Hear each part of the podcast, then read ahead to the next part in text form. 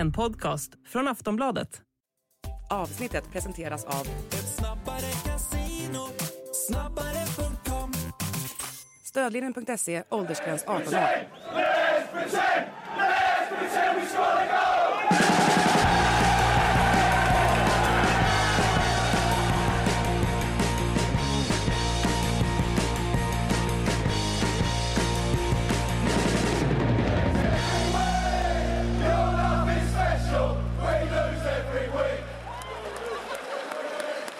Glad påsk allihop! Sportbladets Premier League-podd här denna annandag påsk. Eh, någon röd dag tänker inte stoppa oss från att podda med tanke på allt som hänt under den gångna helgen. Makoto Asara heter jag. Med mig den evigt flitiga, flitiga Frida Fagerlund borta i eh, London. Ja, du har jobbat på fullt, du har fullt upp helt enkelt va? Ja det har jag, men eh, det har ju du också haft. Så att det, det, är all, det är sällan en lugn stund när man arbetar med fotboll. Då får man se till att, att jobba dygnet runt höll jag på att säga. Men nästan alla dagar i, i veckan. Ja, och det har ju spelats fotboll på både här i Sverige och ute i Europa och i England och så vidare under den här påskhelgen. Och vi går väl rakt på sak egentligen för det de flesta säkert vill höra om är ju allt kaos, det den här röriga ja, matchen på Anfield som vi fick se igår. Liverpool mot Arsenal slutade 2-2 till slut får man väl säga, men jag, Frida, bara lägg ut det. Var, var börjar man med den här galna tillställningen? Jag vet nästan inte var man ska börja för att det finns så många aspekter. Det var nästan som att den här matchen hade två, ja men två, ja men det var två helt olika halvlekar, så alltså, mycket kan man ju konstatera. Och dels då att Arsenal på något sätt flög ur blocken från första början och spelade en fantastiskt fin fotboll. De kontrollerade matchen rakt igenom, betedde sig som riktiga Premier League-mästare. Men så sker det någonting i slutet av första halvleken, alltså ett skifte i Liverpool. Det var väl dels att de fick in den här reduceringen genom Mohamed Salah men sen kliver de ut efter halvtid och det är ett helt annat Liverpool än vad vi har sett på mycket, mycket länge. Det, det enda man kan jämföra med det är väl egentligen insatsen mot Manchester United, men å andra sidan så hade de ju betydligt mer flyt då sett till att ja, skotten som de konverterade mm. gick ju faktiskt in i, i mål också. Så var det ju inte riktigt i den här matchen för att även om Arsenal låg, eller hade 2-0 och sen tappar detta till 2-2 så ska de ju faktiskt vara glada över att skadan inte blev ännu värre för att Aaron Ramsdale han får sträcka ut där mot slutet. Det är ett par riktiga, riktigt svettiga räddningar som målvakten gör. Och eh, nej, eh, vilken match det var. Jag, jag, tycker ju lätt att det är en av säsongens bästa matcher. I alla fall sett till underhållningsvärde men också på något sätt, ja men det taktiska i det hela. För att Jürgen Klopp valde ju att ge Trent Trent, Trent Alexander-Arnold en lite ny roll ändå. Vi har inte sett Alexander-Arnold gå in så centralt så pass tydligt i banan som han gjorde i den här matchen. Mm. Och i början så kände jag lite grann att, men Klopp varför ska du börja experimentera med sådana grejer just mot det här motståndet? Alltså det kanske man kan göra mot ett lite, lite sämre motstånd för att grejen är ju med Arsenal att de också spelade med en sorts trebackslinje eftersom att Ben White, han var ganska tillbakadragen mm. i sin roll till höger. Eh, Gabriel klev ut jättelångt, eller brett då, till vänster och blev ju som en vänster mittback med Rob Holding då i mitten medan Sinchenko väldigt tydligt var mer av en central mittfältare så att de, de speglade nästan varandra de här lagen. Och jag tror nog att det kan ha hämmat Liverpool vid det andra målet som de släpper in. För att det, oavsett hur det var ju jättefint, det var ett jättefint inlägg från Martinelli först och främst från vänsterkanten och det sitter ju som en, med en smäck på Gabriel Jesus panna men det går lite för enkelt. Mm. Eh, första målet om man bara ska liksom återkomma till det så visar det på något sätt Arsenals absoluta styrkor nu för tiden. Det här med att Ben White hela tiden vet var Bukayo Saka kommer hamna, alltså vilken, vilken rörelse han kommer göra, så hittar han fram till Bugayo Saka och sen så kan Arsenal sätta fart framåt. Och så är ju Martinelli ligger han ju centralt, men det är ju på grund av Klopps taktik. Alltså det är ju för att Martinelli har följt efter Alexander Arnold in, in i mitten av planen. Så att på ett sätt så, ironiskt nog, så var det ju faktiskt taktiken, Liverpools taktik som skälte dem i det fallet vid ledningsmålet. Men nej, ett helt annat eh, Liverpool i, i andra halvlek. Och jag vet inte om det kan ha varit att eh, Ja, det var en liten incident här, en liten dust mellan Alexander Arnold och Granit Xhaka, mm. eh, föga förvånande. Och det var nästan som att minuten därefter så, ja men det var som att Trent Alexander-Arnold, han blev en helt ny spelare. Man såg något sorts jädra anamma som man inte har sett hos honom på lång tid och han eldade på publiken och ja, Liverpool fick nytt liv och det var ju efter det som de verkligen steppade upp och ja, som sagt mycket väl kunde ha vunnit den här matchen. Ja, men när, när var senast man såg uh, Trent göra en sån aktion som man gör vid 2-2 målet när han bryter in, tunnlar Sinchenko. Det gör, ser man ju väldigt sällan att han gör den typen av ytterbacksaktioner egentligen, att bryta in sådär med fart. För det är inte liksom snabbheten som är hans styrka. Men uh, han gör det ju otroligt bra med det där känsliga inspelet sen till eh, uh, 2-2 målet. Men det har väl varit, det var väl en viss diskussion efter det här om att uh, Xhaka inte borde gått in i den där gruffet med Trent för att han väckte Liverpool och så vidare. Men det känns väl lite som någon sorts efterhandskonstruktion, lite baserat på att det är Granit Xhaka eller? Ja, på ett sätt, men å andra sidan, Xhaka skulle, jag förstår inte varför han, han skulle inte ens ha fått ett gult kort. Alltså han skulle ha kunnat hålla huvudet tillräckligt kallt för att helt distansera sig från situationen. Men det är ju en del av hans spel på mm. något sätt, att han, han håller sig sällan lugn så tillvida. Men leder man en match med 2-0 så måste man på något sätt kunna förstå att ja, Alexander Arnold är förstås, han är ju frustrerad och han kommer försöka med eh, en, en massa tjuvnyp och van Dijk han tacklade ju Jesus eh, över båda benen eh, ja, några minuter innan som också visade på hans frustration. Så där tycker jag att Granit Xhaka, han måste på något sätt vara större och, och mognare och inse att nej, det här är ingenting jag ska blanda mig i. Eh, men det var ju mycket, mycket känslor, jag menar till och med linjedomaren drogs ju med och eh, ligger väl illa till nu efter att han armbågade Robertson på, på halsen var det ju faktiskt. Jag vet inte, vi vet fortfarande inte riktigt vad det var som, ja men, gjorde att linjemannen, eh, linjedomaren fick för sig att göra detta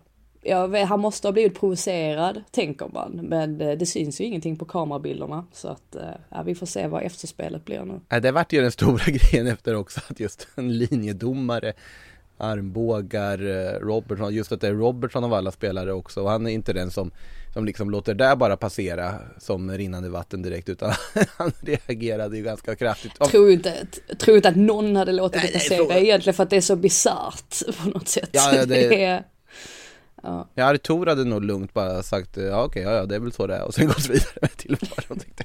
ja, Nej, det, jag vet, alltså nu minns inte jag, nämnde du ens att uh, Sala drar en straff utanför uh, ämnen? Nej, du hör. Nej, det, det, det, för många, för mycket att prata om i denna matchen. Ja, han missar ytterligare en straff.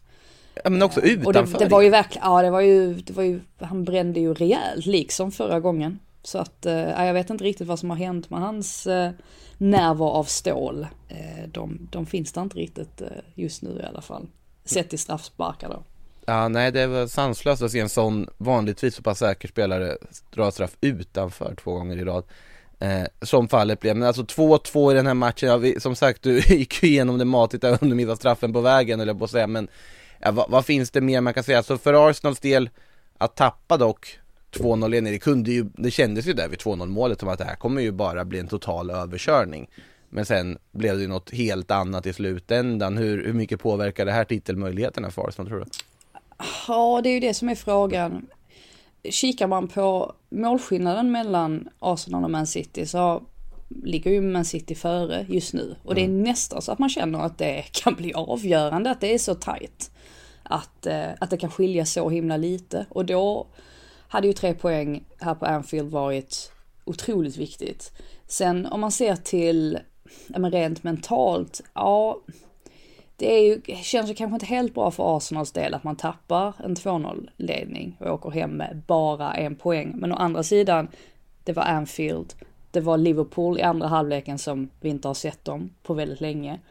Kan de bara se till att lära sig någonting av detta och skaka av sig faktumet att de var så nära att förlora så kan de väl på något sätt komma ur det här helskinande. Men eh, ja, alltså tittar man på statistiken, jag är, jag är helt, eh, jag är helt fascinerad. Alltså Liverpool landade på totalt 19 avslut i straffområdet. Det är fler eh, än Arsenal har släppt till i Premier League sen man började mäta sån statistik.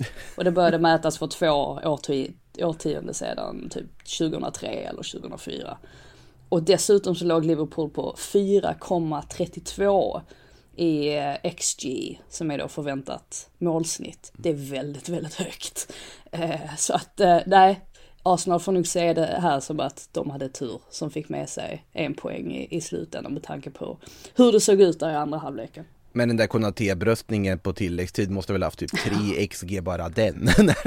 Alltså, det är ju helt otrolig räddning som Ramsdale gör ja, Ramsdale, ja och Ramsdale man blir ju glad för hans skull för att det var ju fler än en experter som eh, tyckte att den där värvningen som Arsenal gjorde när de betalade så mycket för Ramsdale att det var fullständigt hutlöst och han var inte värd de pengarna. Och visst, Ramsdale, han är inte ja, han kan, kan eh, absolut vara lite darrig ibland, alltså i, i, vissa fall då som vi har sett under säsongen, men det kan å andra sidan de allra flesta mm. målvakterna.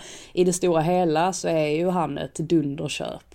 Och eh, i den här matchen så visar han ju verkligen sina, sina kvaliteter. Så nu har de givetvis tagit upp den här debatten, landslagsdebatten igen. Vem som egentligen ska vara number one.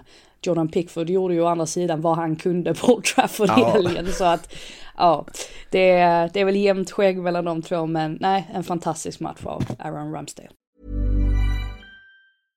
Flexibility is great. That's why there's yoga. Flexibility for your insurance coverage is great too. That's why there's United Healthcare Insurance Plans. Underwritten by Golden Rule Insurance Company, United Healthcare Insurance Plans offer flexible, budget friendly coverage for medical, vision, dental, and more. One of these plans may be right for you if you're, say, between jobs, coming off your parents' plan, turning a side hustle into a full hustle, or even missed open enrollment. Want more flexibility? Find out more about United Healthcare Insurance Plans at uh1.com. Vi, eh, vi kan väl ta oss till eh, Pickfords insats här. Eh, först måste man bara fråga sig, alltså, är det ens värt att försöka gissa eller spekulera i vad det här kan betyda för Liverpool? För absolut, om de fortsätter på det sättet de gjorde i andra halvlek här, då har de ganska goda möjligheter att slå sig upp och slåss om den här Champions League-platsen igen i slutspurten här, men det, man kan ju inte lita på att Liverpool gör det den här säsongen. Nej, verkligen inte. Och jag tyckte väl att det som var nyckeln i den här matchen var ju att Arsenals mittfält då, eh, som jag varit jätte, särskilt det centrala mittfältet mm. som har varit jättefint hela säsongen med Thomas Partey och, och Martin Ödegård, Xhaka för den delen. De kom inte upp i nivå, de lyckades inte hålla fast bollen så att där vann ju på något sätt Liverpool mittfälts kampen, det centrala mittfältet under andra halvleken. Så att det är väl det de försöker, de får försöka spinna vidare på att när de när de faktiskt eh, dominerar där, eller när, ja, och det hjälpte väl också kanske att Trent Alexander-Arnold hade den positioneringen som han hade. Då mm. spelar de betydligt bättre.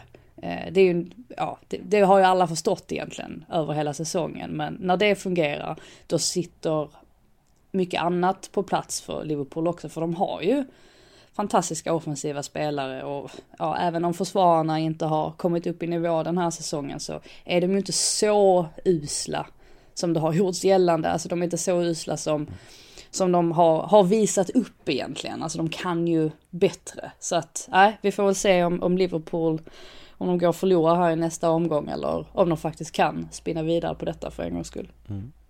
Vi går från eh, omgångens sista till omgångens första match och det är ju skönt att vi inte har någon fredagsmatch som jag kan glömma den här gången för att den första som spelades var på lördagen mellan Manchester United och Everton. Eh, som sagt, Jordan Pickford hade mycket att göra, han räddade mycket men till slut så var det ju den Scott McTominay, den målfarliga Scott McTominay som ja, öste in mål som att han vore en skyttekung för sitt Skottland under landslagsuppehållet här nyligen. Som bröt dödläget med sitt 1-0 mål i minut 36, Anthony Martial som fyllde på till 2-0 för United som tog tre säkra poäng, får man väl ändå säga. Ja, det är intressant att du benämner honom som målfarlig McTominay, för jag vet ju vad han gjorde i landslaget, men han hade ju faktiskt inte gjort ett Premier League-mål sedan december 2021. Är det, det, var, det, det, var ju ett tag sedan. Jo, ja. Det var en jättefin framspelning av, av Sancho och det var ett väldigt fint avslut av McTominay också. Det som var intressant i den här matchen var ju att Ten Hag försökte dölja spåren av en frånvarande Casemiro och Eriksen som visserligen hoppade in sen genom att placera Bruno Fernandes i en djupare roll medan mm. Sabitzer låg högre.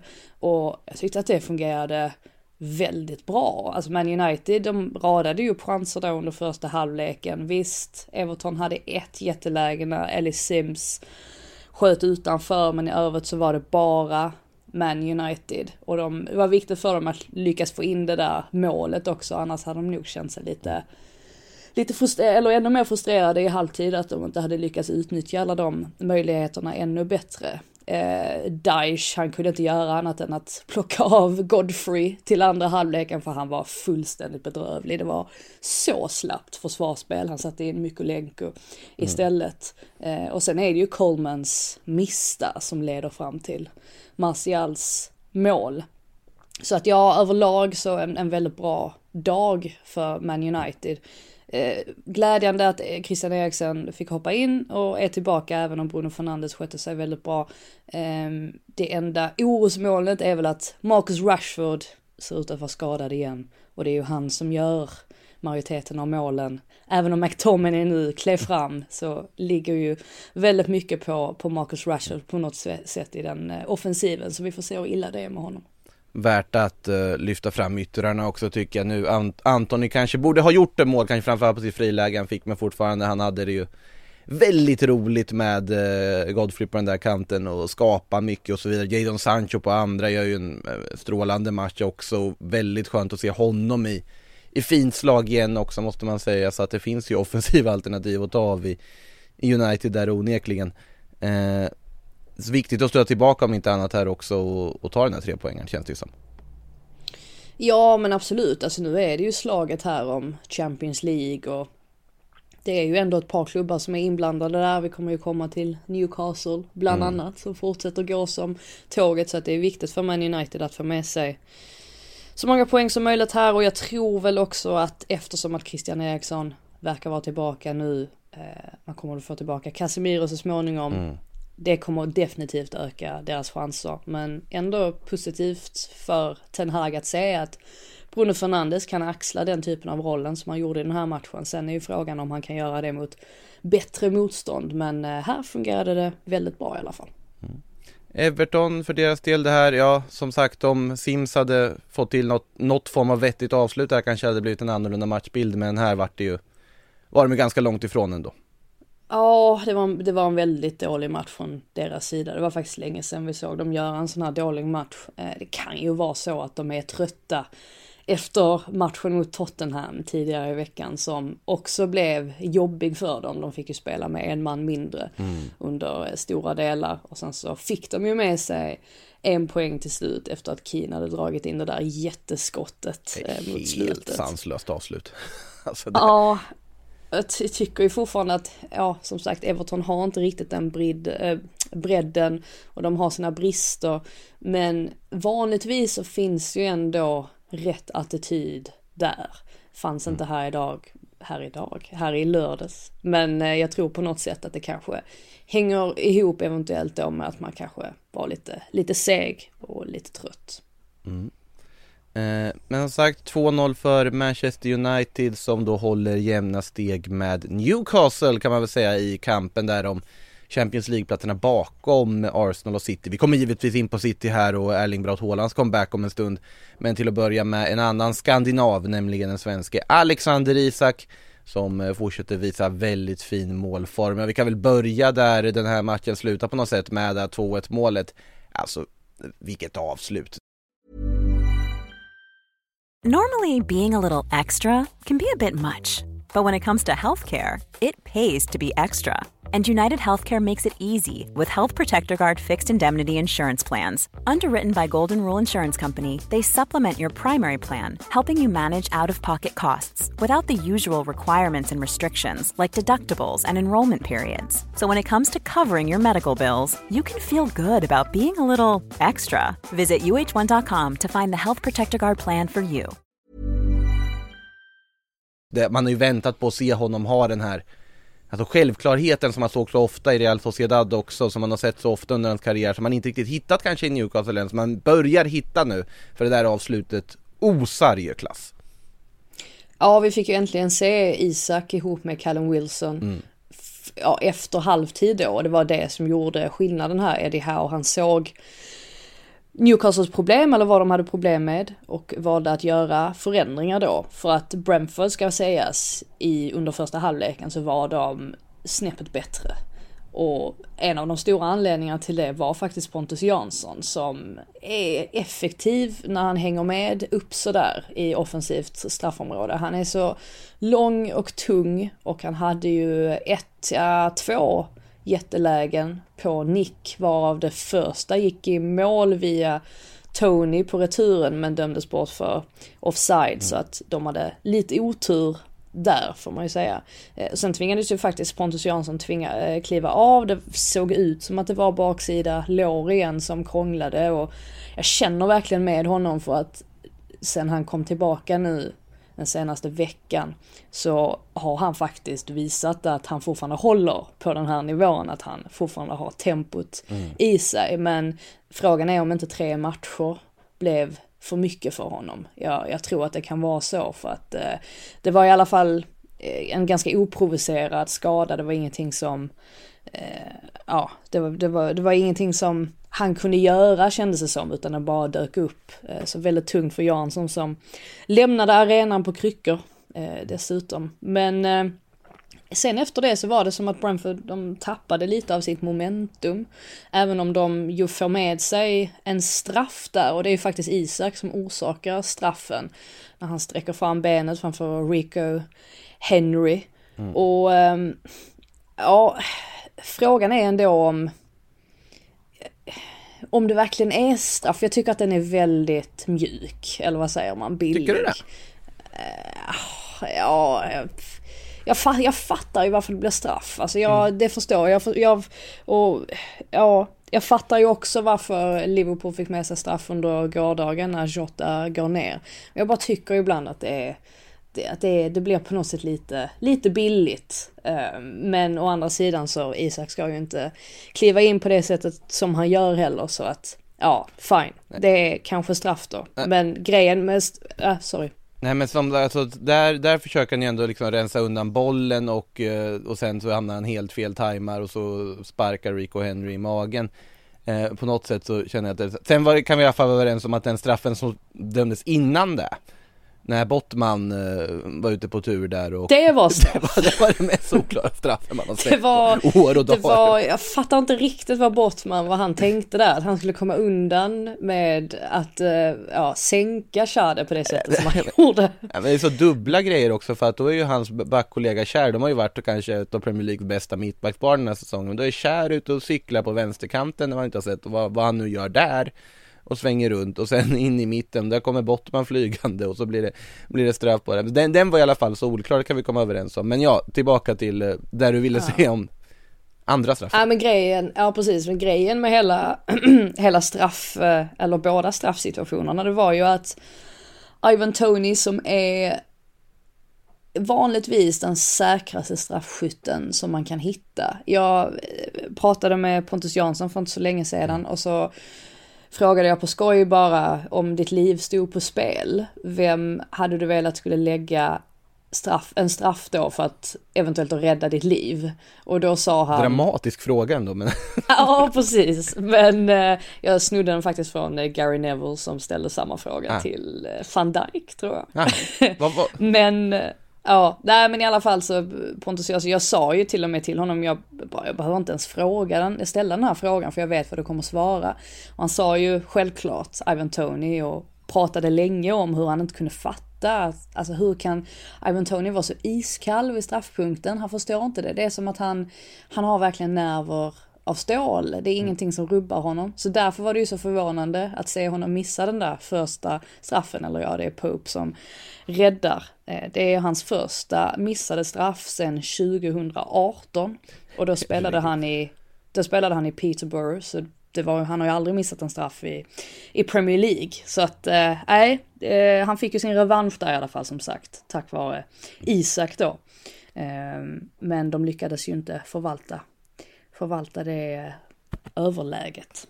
Nej men alltså det är också att för första straffen han missar så den är ju verkligen bedrövlig. Han bara rullar bollen och Pope limmar den.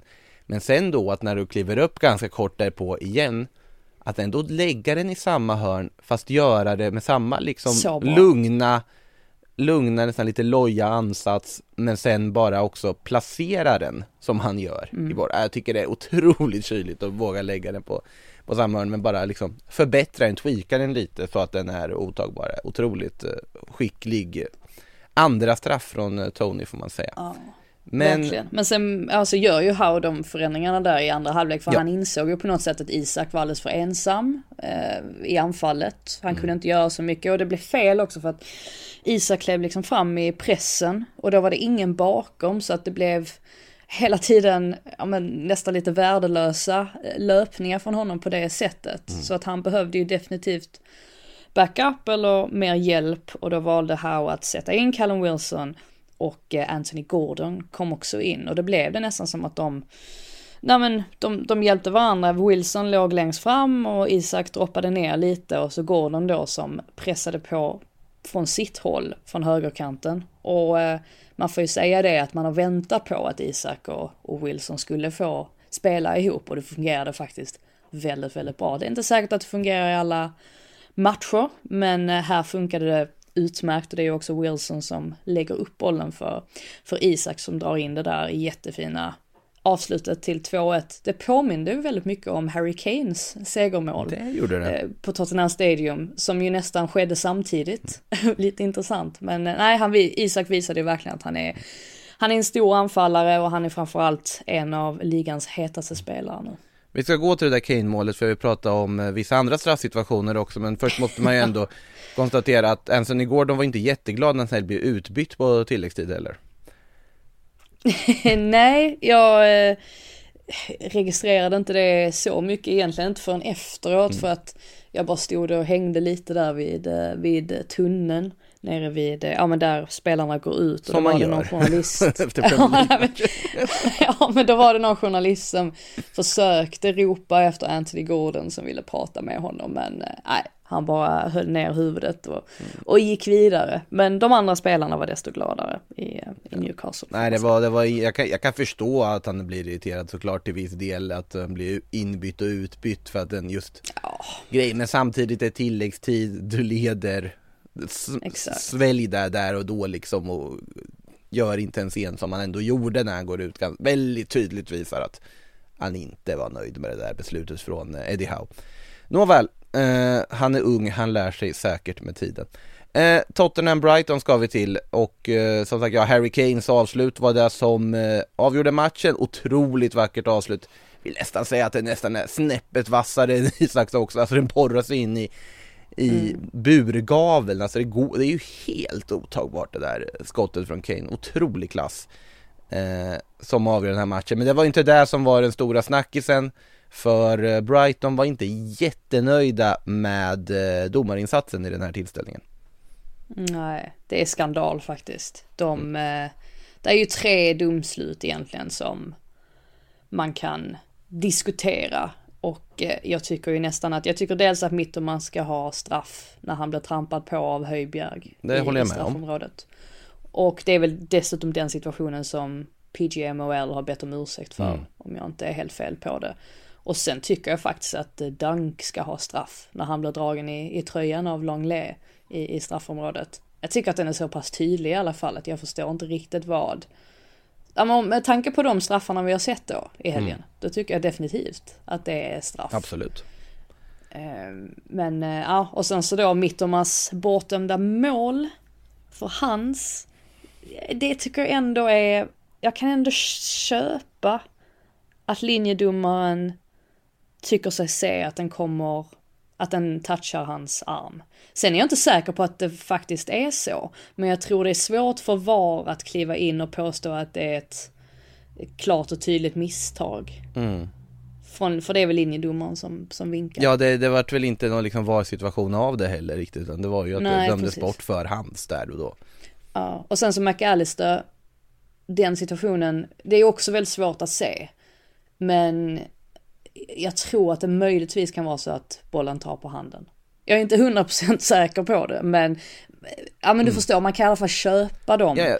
Besluten någonstans. Men det kan man inte med resten. Nej, nej för sen är det är ju det liksom att om, om bollen tar på handen för en offensiv spelare så döms det bort oavsett och den här diskussionen har vi haft förut i den här podden också Ja. där, och där, där får jag ju bara stå mitt kast och konstatera att det är korrekt, två korrekt bortdömda mål utifrån den bedömningen jag har av det. Eh, även om det går att diskutera hur mycket, om den verkligen träffade Mittomas arm och så vidare men det, det är så, vi får lita på att de har bättre verktyg för att se det än vad vi har. Eh, Men angående straffsituationerna så instämmer jag helt och hållet. Eh, och det är ju inte första gången Brighton har haft eh, sådana situationer mot sig den här säsongen heller. Och det har ju väckt en ganska rejäl diskussion efter det här också när till och med de har fått en offentlig ursäkt för att jo en viss borde ha blivit straff. Den hjälper ju inte jättemycket i efterhand. Men eh, eftersom att de också varit med om det förut. För de, de gjorde ju en match där de förtjänade mer än att förlora. Eh, om man tittar på statistiken och allting, det kan man ju lugnt konstatera och skapade otroligt mycket men det var ju som sagt Spurs som tog de tre poängen. Eh, Hyun Min Sons avslut ska vi, får vi inte glömma bort mitt i alla fina avslut heller, otroligt vackert första mål. det, det var ett av de, ja, ett av de värsta målen jag, alltså värsta som i, i positiv Ja. bemärkelse då, som man har sett eh, den här säsongen. Jag tycker det är helt fantastiskt avslut. Och återigen så blir det sådär att det är, det är ju detta Tottenham har förlitat sig på så mycket tidigare, just att Son och Kane kliver fram i matcher.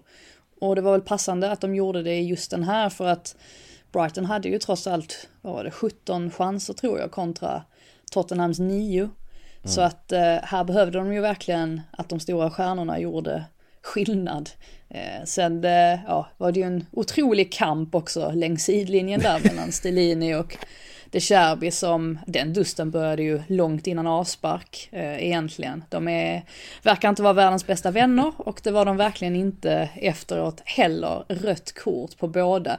Eh, den absolut härligaste scenen egentligen i hela det tumultet, det var när de Cherby först tilldelas ett rött kort och så står hans assisterande tränare något, alltså någon meter ifrån och ser detta ske. Och sen så går ju domaren bort till Stellini också och visar fram det röda kortet. Och då ser man hur Brightons assisterande och han bara liksom börjar gapskratta åt eh, Stellini.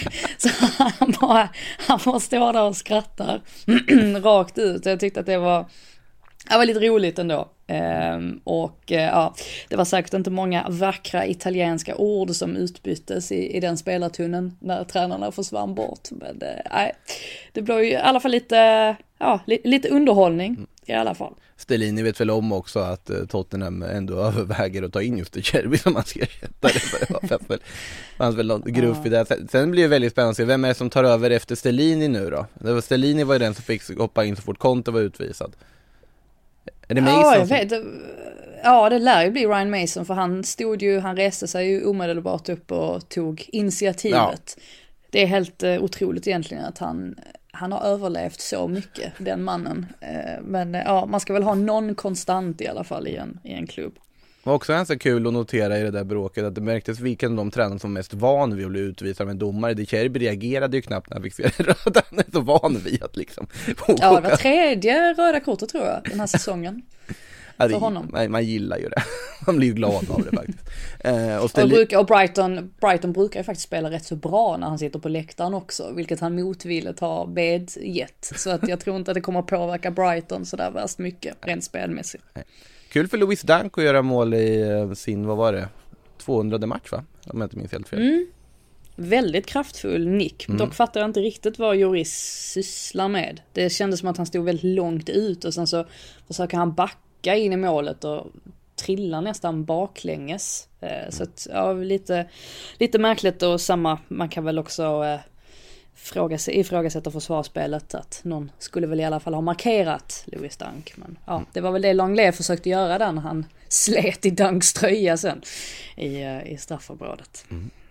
Och, men Spurs alltså 2-1 seger, viktig seger för dem såklart i eh, jakten på Newcastle och United och så vidare i toppen. Även om man kanske hade vissa marginaler på sin sida. City behövde inte så mycket marginaler eh, i slutändan, avfärdade Southampton smidigt med 4-1, Manchester City då alltså. Eh, Erling Braut Haaland i målprotokollet igen när han kom tillbaks. Det var väl få som hade trott annat när han gjorde comeback efter sin eh, lilla skadefrånvaro.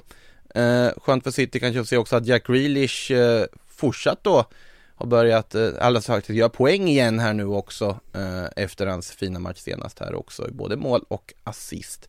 Men eh, avslutet i 3-0 från Håland, det, det var inte dumt ändå. Nej, det känns som att jag alltid så fort han gör något sånt där när han cyklar in ett avslut eller så så jämför jag alltid med eh, Zlatan, men det är det första jag kommer att tänka på när jag ser den typen av avslut. Mm. Och också det här att Zlatan också är väldigt lång och ja, fysisk, liksom Håland eh, är. Mm.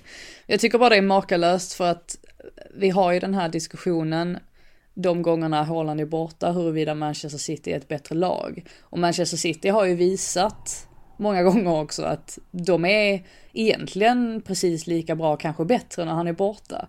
Men sen när han är tillbaka så gör han så många mål att, och sådana ja, fantastiska avslut att man tänker att hur kan någon ifrågasätta honom och hans kvaliteter? Det är väl egentligen ingen som gör det, men hur kan någon ifrågasätta att han inte gör Manchester City bättre? Men det säger ju mycket om det här laget och jag tycker oroväckande nog att det känns som att City verkligen har eh, steppat upp nu. Alltså de har lagt in en, en högre växel. Har väl åtta raka segrar nu dessutom. Och Grealish, ja han är ju i sanslös storform. Så att även om, ja, Southampton, de, de hade ju någon, alltså ett par lägen här, det var eh, Sulemana gav ju sig iväg på någon soloräd och sen så fick de ju faktiskt in den här reduceringen också. Det är väl Genepo som står för ett jättefint förarbete och sen mm. Mara då som trycker in bollen men utöver det så, så är ju Man City på en högre nivå och Southampton känns ju faktiskt som att de eh, är lite avhängda nu. Eh, om det är något lag som är avhängt så är det ju faktiskt de i botten av mm. tabellen.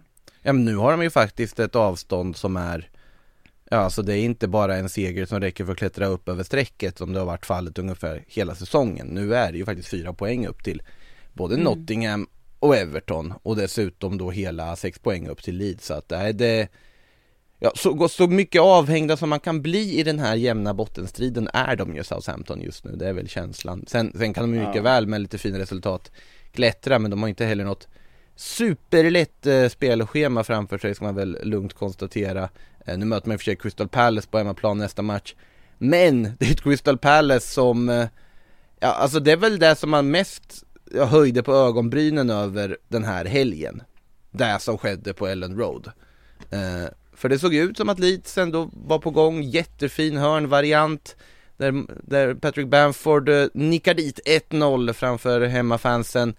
Och eh, Leeds eh, kändes då liksom solida, på väg mot något bra.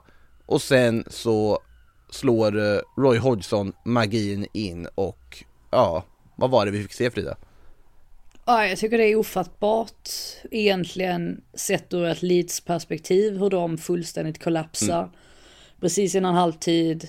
Um, och sen så efter halvtid då släpper in tre mål inom loppet av tio minuter.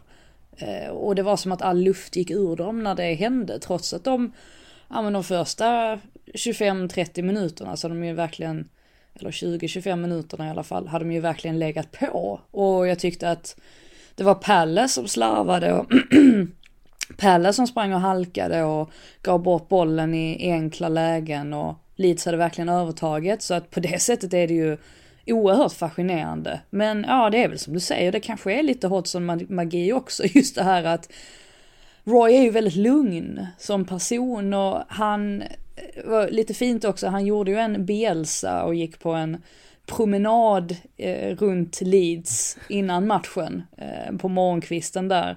Eh, ja, men han ser bara ut och ja, men han bara ingjuter ett sånt lugn att jag kan tänka mig att det smittar av sig på spelarna och särskilt då Olise och Esse som är de spelarna som kliver fram här också i Sahas frånvaro och verkligen levererar framåt. Ehm, ja, att de lyckas utnyttja de här ytorna som ges och ja, då är det liksom sex poäng och sju mål för Oddsen på två matcher. Och Eh, uppenbarligen så har det ju faktiskt blivit en sån typ av tränareffekt som Crystal Palace hade önskat. Mm. Men det är också en sån här tränare som man har ingenting att förlora på det här. Alltså han, han vet ju att han har sin legacy säkrad på sätt. Alla vet vad han har åstadkommit under hela hans karriär. Och han gör det här på någon sorts sista, bara, ah, men varför inte?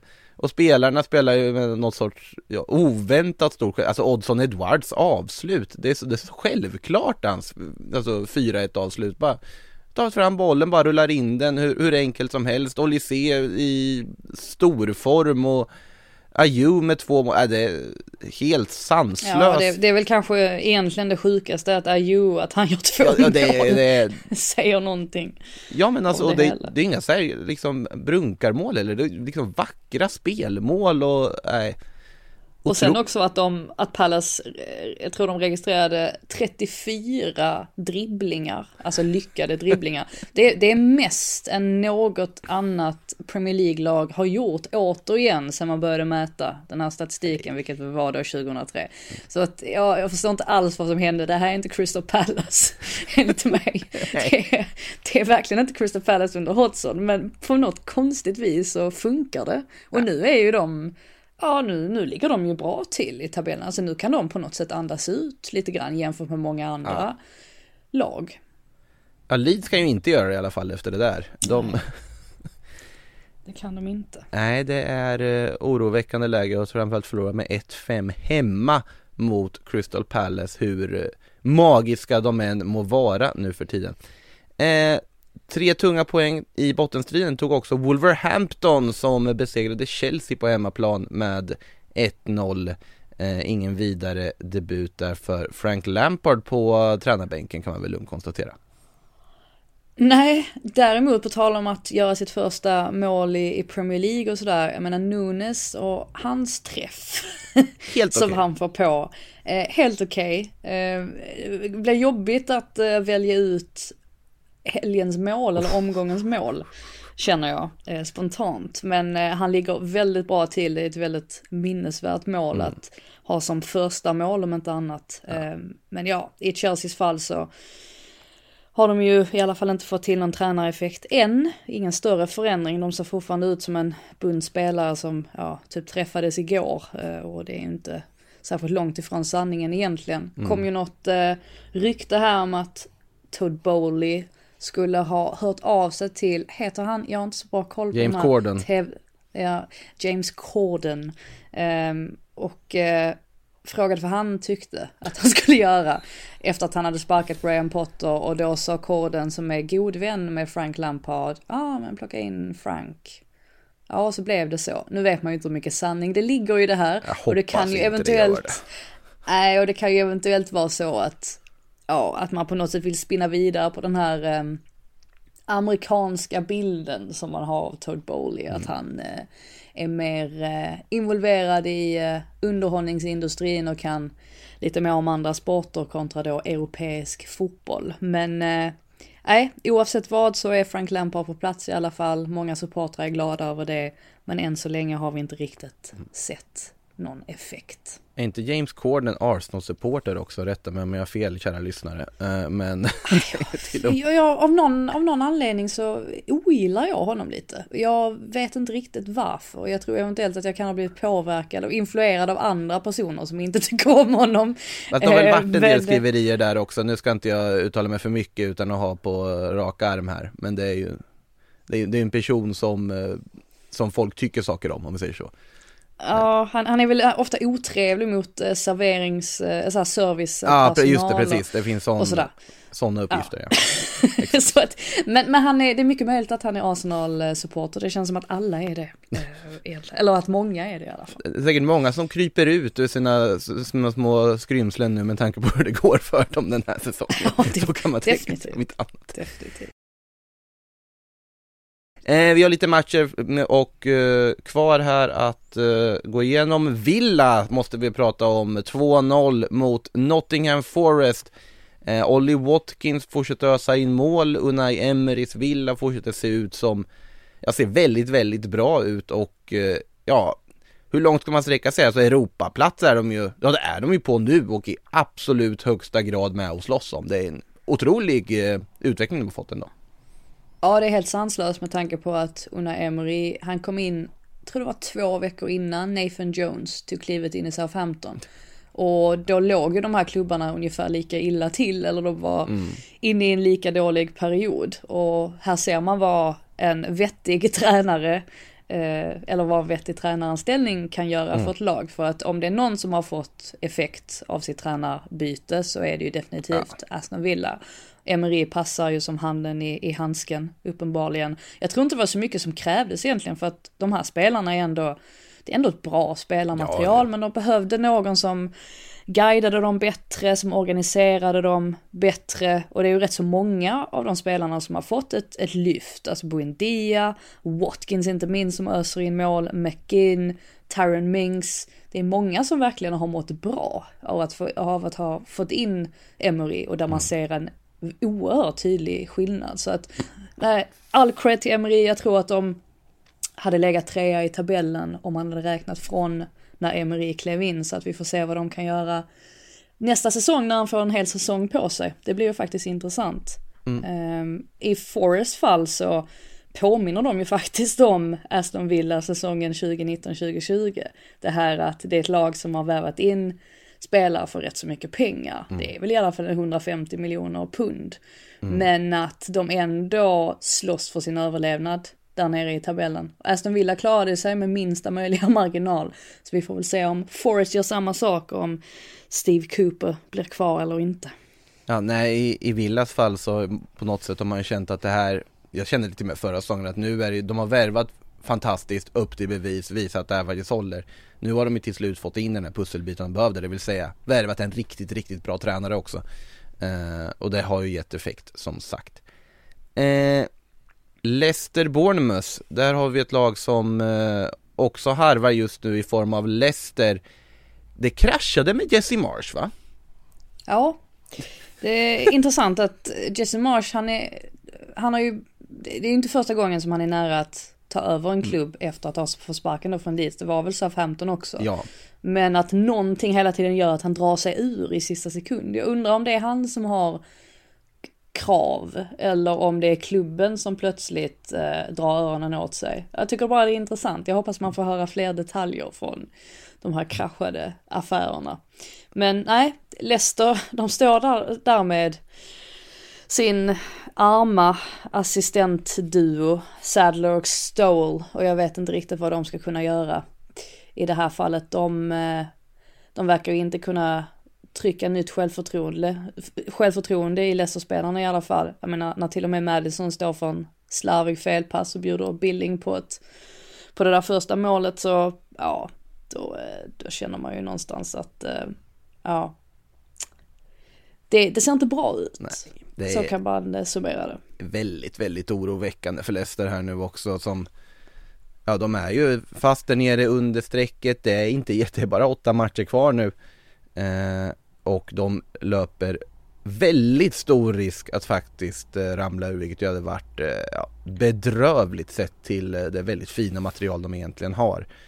Ja, jag eh. tror det dröjde, dröjde 60 minuter innan Bournemouths målvakt Neto, han gjorde sin första räddning för dagen. Vilket ju säger mycket om Leicesters spel. Mm. Sen å andra sidan så måste man eh, vara noga med att hylla Bournemouth också. Jag ja, tycker ja. att Gary, Gary O'Neill han är han är inte den roligaste tränaren i intervjusammanhang. Men det märks att han är väldigt skicklig och att han är en bra man manager också och att han kan se saker under pågående, pågående match och ja, justera olika aspekter av spelet. Och jag tyckte att Billing som gör målet också var riktigt bra faktiskt. Jag tycker att han är en bra spelare överlag. Alltså det är ingen det är ingen jättesexig startelva som Bournemouth ställer upp med men Billing har kvaliteter som är ganska spännande. Det här med att han tar löpningar in bakom backlinjen och det är precis vad ett lag som Bournemouth behöver så att mm.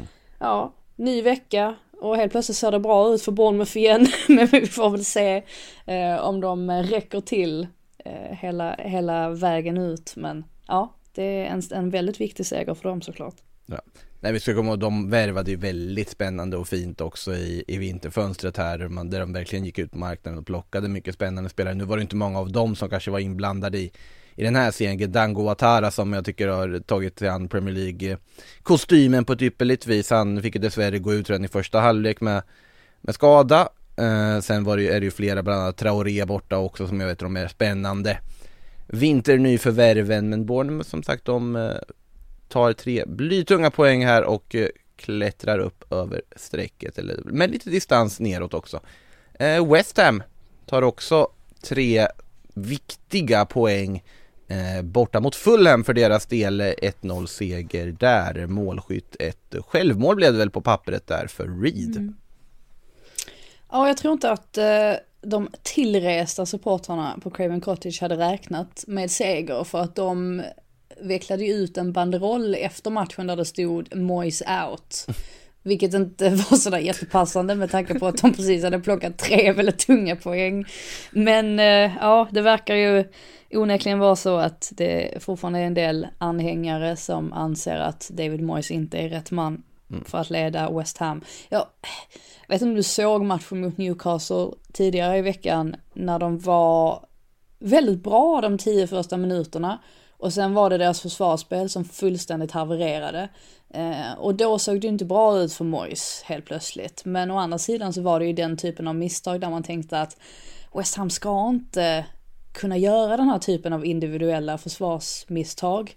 Och eh, ja, de är definitivt bättre än vad de visade upp där. Och de var ju bättre i den här matchen också. Och sen lider väl Fulham av att, ja, de har inte vunnit på fem matcher nu, tror jag, om man räknar alla tävlingar mm. eller alla, allt de deltar i. Och det är ju tydligt att de ehm, ja, har det svårt utan Mitrovic nu som är avstängd på livstid, höll jag på att säga. Det är inte riktigt livstid men det känns ju nästan som det. Det är en väldigt lång avstängning i alla fall efter den här domarincidenten i mötet med Man United. Så att ja, de, eh, även om Fulham, jag tror de producerade 47 inlägg så hade de ju ingen som kunde nicka in något av dem. Så att eh, nej, de lider verkligen av att Mitrovic är borta. Ja, nej, åtta matcher har ju Mitrovic fått. Det är väl ganska svårt att argumentera mot eh, det här straffet med tanke på att ja, domarna ska du inte röra. Men där blir det spännande att se vad domaren som armbågade Andy Robertson får för övrigt. Men vet, kan du det på rak arm vem som fått den längsta avstängningen i, i engelsk högsta fotbollshistoria? Eh, vem kan det vara? Är det inte Roy, det är inte Roy Keane, Va, vem är det nu? Eh, det, det, här är inte ett namn som kanske alla har koll på, men Enoch West i Manchester United fick en 30 år lång avstängning okay. för matchfixning okay. 1915. Jaha. För eh. matchfixning? Men det är inte riktigt, är inte det lite fusk eller? Ja, alltså till viss del, men sen han blev ju, han blev ju liksom tagen på nåder senare, för han fick en livstidsavstängning från början, men sen då 30 år senare så blev, som, blev den upphävd. Då var det lite för sent för honom att göra comeback, men 30 år blev han avstängd i Knock Det var flera spelare som blev avstängda för matchfixning där i samband med någon, någon match. Han är Joey Barton, 18 månader har vi också. Eh, bland annat, finns många långa avstängningar genom tiderna, men absolut det är inte samma sak som, som i Mitrovics fall utan tvekan. Nej, jag tänkte nog, alltså i Roy Keens fall så tänkte jag nog Ja, han fick ju inte så hårt straff efter att han hade tacklat Haaland, mm. Haaland senior. Det var nog inte så många matcher som man, jag, jag tror bara jag inbillat mig att det var, det var Man tänker att det borde ha varit många matcher.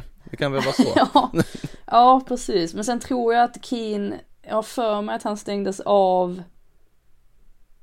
alltså någon gång i början på 2000-talet att det var en längre, typ såhär fem matcher i alla fall. Men ja, det var ju inte 30 år så att nej, nej. jag var ju helt fel. Jag tyckte här, den, om man tänker på just så här incidenter på planen som har gett väldigt lång avstängning så första jag tänker på är från Spanien när Pepe fick tio matcher efter att ha ja, rivit dobbarna i ryggen på Casquero i samband med Real Madrid-Getafe. En av de mest röriga matcher som någonsin spelats för övrigt. Eh, minns inte det exakta årtalet nu men det var under, eh, det var väl Bernt Schuster och Juan de Ramos-tiden där. Eh, på tal om ingenting. Eh, vi ska se om vi har fått några lyssnarfrågor eller om det är så att våra lyssnare kanske har tagit påskledigt.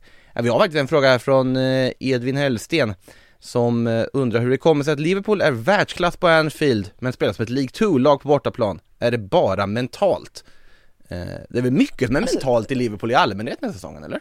Ja, de är ju inte lika illa heller som Forest sett till hemma kontra bortafacit. Jag tror att Forest, att de har tagit så här 80% av alla sina poäng den här säsongen på hemmaplan. Alltså det var ju det något helt groteskt.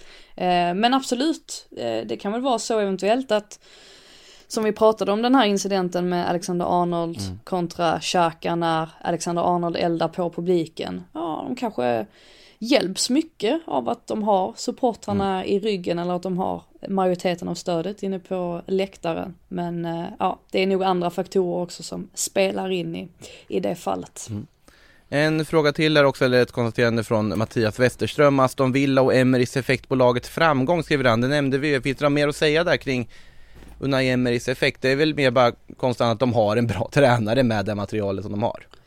Ja, det är ju intressant också för att Emery, som alla vet, misslyckades i Arsenal.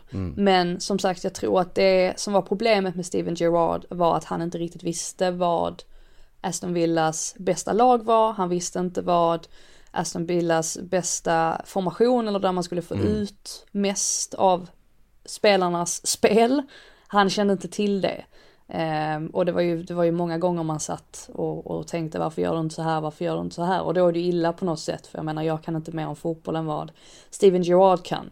Och, och ändå så, så kände man att det var vissa grejer som var ganska uppenbara i spelet som inte fungerade. Typ att de spelade den här, ofta den här julgransformationen Ja. och så fick, ut, utnyttjade man inte bredden. Och det Emery har kommit in och gjort, det är ju att bara ha på något sätt satt en grund, en tydlig grund. Och ibland är det det som räcker för bra spelare för att de ska kunna lyckas kollektivt och för att de ska kunna höja sig själv individuellt. Så att eh, nej, Unai Emery har gjort ett fantastiskt jobb. Och eh, jag tror att alla spelarna håller med om det. Den enda som inte håller med om det är kanske Augustinsson som ju blev bortvald av, eh, av Emery som hellre ville plocka in Moreno. Men det har ju blivit väldigt bra det också. Så att, ja. Jag tror inte Lucas Dean är jättenöjd med det här i alla fall. Eh, Nej. Sant. Alex Moreno, en väldigt, väldigt fin vänsterback ska sägas också. Jag trodde inte han skulle peta Dean, möjligtvis att han ändå skulle vara en rak ersättare till eh, Augustinsson. Men det är en, en ytterback som absolut är värd sin speltid och gjort det väldigt bra sen han kom från Tog med, Real honom i, tog med honom i veckans lag förra omgången till och med. Så bra har han varit. Det gjorde du alldeles rätt i tycker jag. Eh, jag kan inte argumentera för att Mark Rocca ska vara där efter den här helgen i alla fall. Nej, det kan du verkligen inte göra. Absolut inte. Han hade det tufft likt resten av Leeds mot Palace. Men det sagt så har det blivit dags att runda av detta avsnitt av Sportbladets Premier League-podd. Stort tack för att du tog dig tid Frida. Blir det någon Champions League i veckan? Ja, det blir det väl va? Eh, nu måste jag tänka. Det är Man City på hemmaplan va? Det kan det mycket väl. Ja, det stämmer bra mot Bayern München. Mm, och Chelsea börjar på bortaplan. Stämmer också. Ja, alltså den matchen. Frågan är, det, det kan ju inte ha varit, alltså Ancelotti när han ser den matchen på Molineux Stadium. Jag tror inte att han sitter och darrar av skräck egentligen eh, kring att möta kring att möta Real Madrid. Men ja, vi får väl se. Nej, de laddade ju upp med att eh, tappa mot eh, Villarreal här i helgen också och eh, verkar ju helt och hållet Ja, ha men- checkat ut från ligaspelet. Så att det Ja talar det emot Chelsea. man ju sig. Ja men det förväntar man ju sig av Real. Att de Ja. på något sätt gör sådär. Ja, fy- slår de 4-0 till mot Barcelona i kuppen följdes av 2-3 mot Precis. Villarreal hemma och Fede Valverde som slår Baena på parkeringsplats. Så är det i Madrid, men som sagt Champions League i veckan eh, och eh, Sportbladet Premier League-podd, den är ju tillbaka som vanligt nästa vecka. Sillypodden på torsdag givetvis också. Med det sagt, ha det gott allihop återigen, glad påsk och ta hand om er. Hej då! Du har lyssnat på en podcast från Aftonbladet. Ansvarig utgivare är Lena K Samuelsson.